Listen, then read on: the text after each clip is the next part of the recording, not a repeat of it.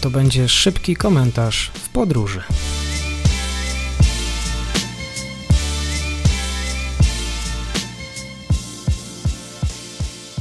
Dzień dobry wszystkim słuchaczom po weekendzie. Kolejny komentarz podróży po tym, jak spodobała Wam się ta forma. Dzisiaj na temat Ukrainy i Rosji, oczywiście. Przedstawiciele oraz wywiad amerykański sugeruje, że Rosja jest gotowa do rozpoczęcia operacji wojskowej, czemu oczywiście Moskwa zaprzecza. Według amerykańskich szacunków Rosja zgromadziła ponad 150 tysięcy żołnierzy w pobliżu granic Ukrainy.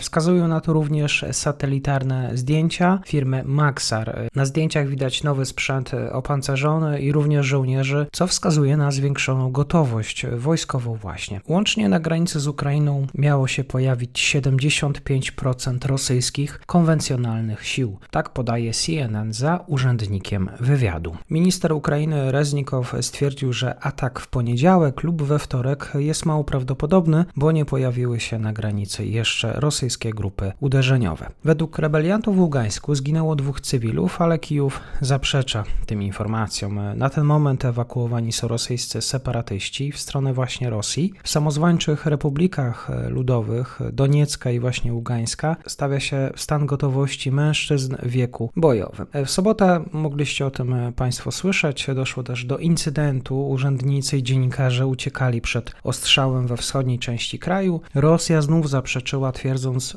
że są to tylko ćwiczenia wojskowe. Prezydent Rosji Władimir Putin Putin i jego sojusznik, właśnie przywódca Aleksander Łukaszenka, przedłużyli ćwiczenia wojskowe, które miały się zakończyć w ubiegłą niedzielę, ale w takim oświadczeniu wymienili właśnie jako skutek przedłużenia tych ćwiczeń pogorszenie sytuacji właśnie na wschodzie Ukrainy i 30 tysięcy rosyjskich żołnierzy na Białorusi nadal pozostanie. Posunięcie to oczywiście zwiększa obawy, że Rosja planuje inwazję na Ukrainę, która dzieli długą granicę z Białorusią. Informacja, która też zelektryzowała media to fakt, że Stany Zjednoczone poinformowały Organizację Narodów Zjednoczonych, że posiadają takie wiarygodne informacje, z których wynika, że Moskwa opracowuje specjalne listy Ukraińców do zabicia lub wysłania do obozów e, właśnie po okupacji wojskowej, e, zgodnie właśnie z listem napisanym przez e, panią Crocker, ambasador Stanów Zjednoczonych przy ONZ i innych organizacji międzynarodowych w Genewie. To był list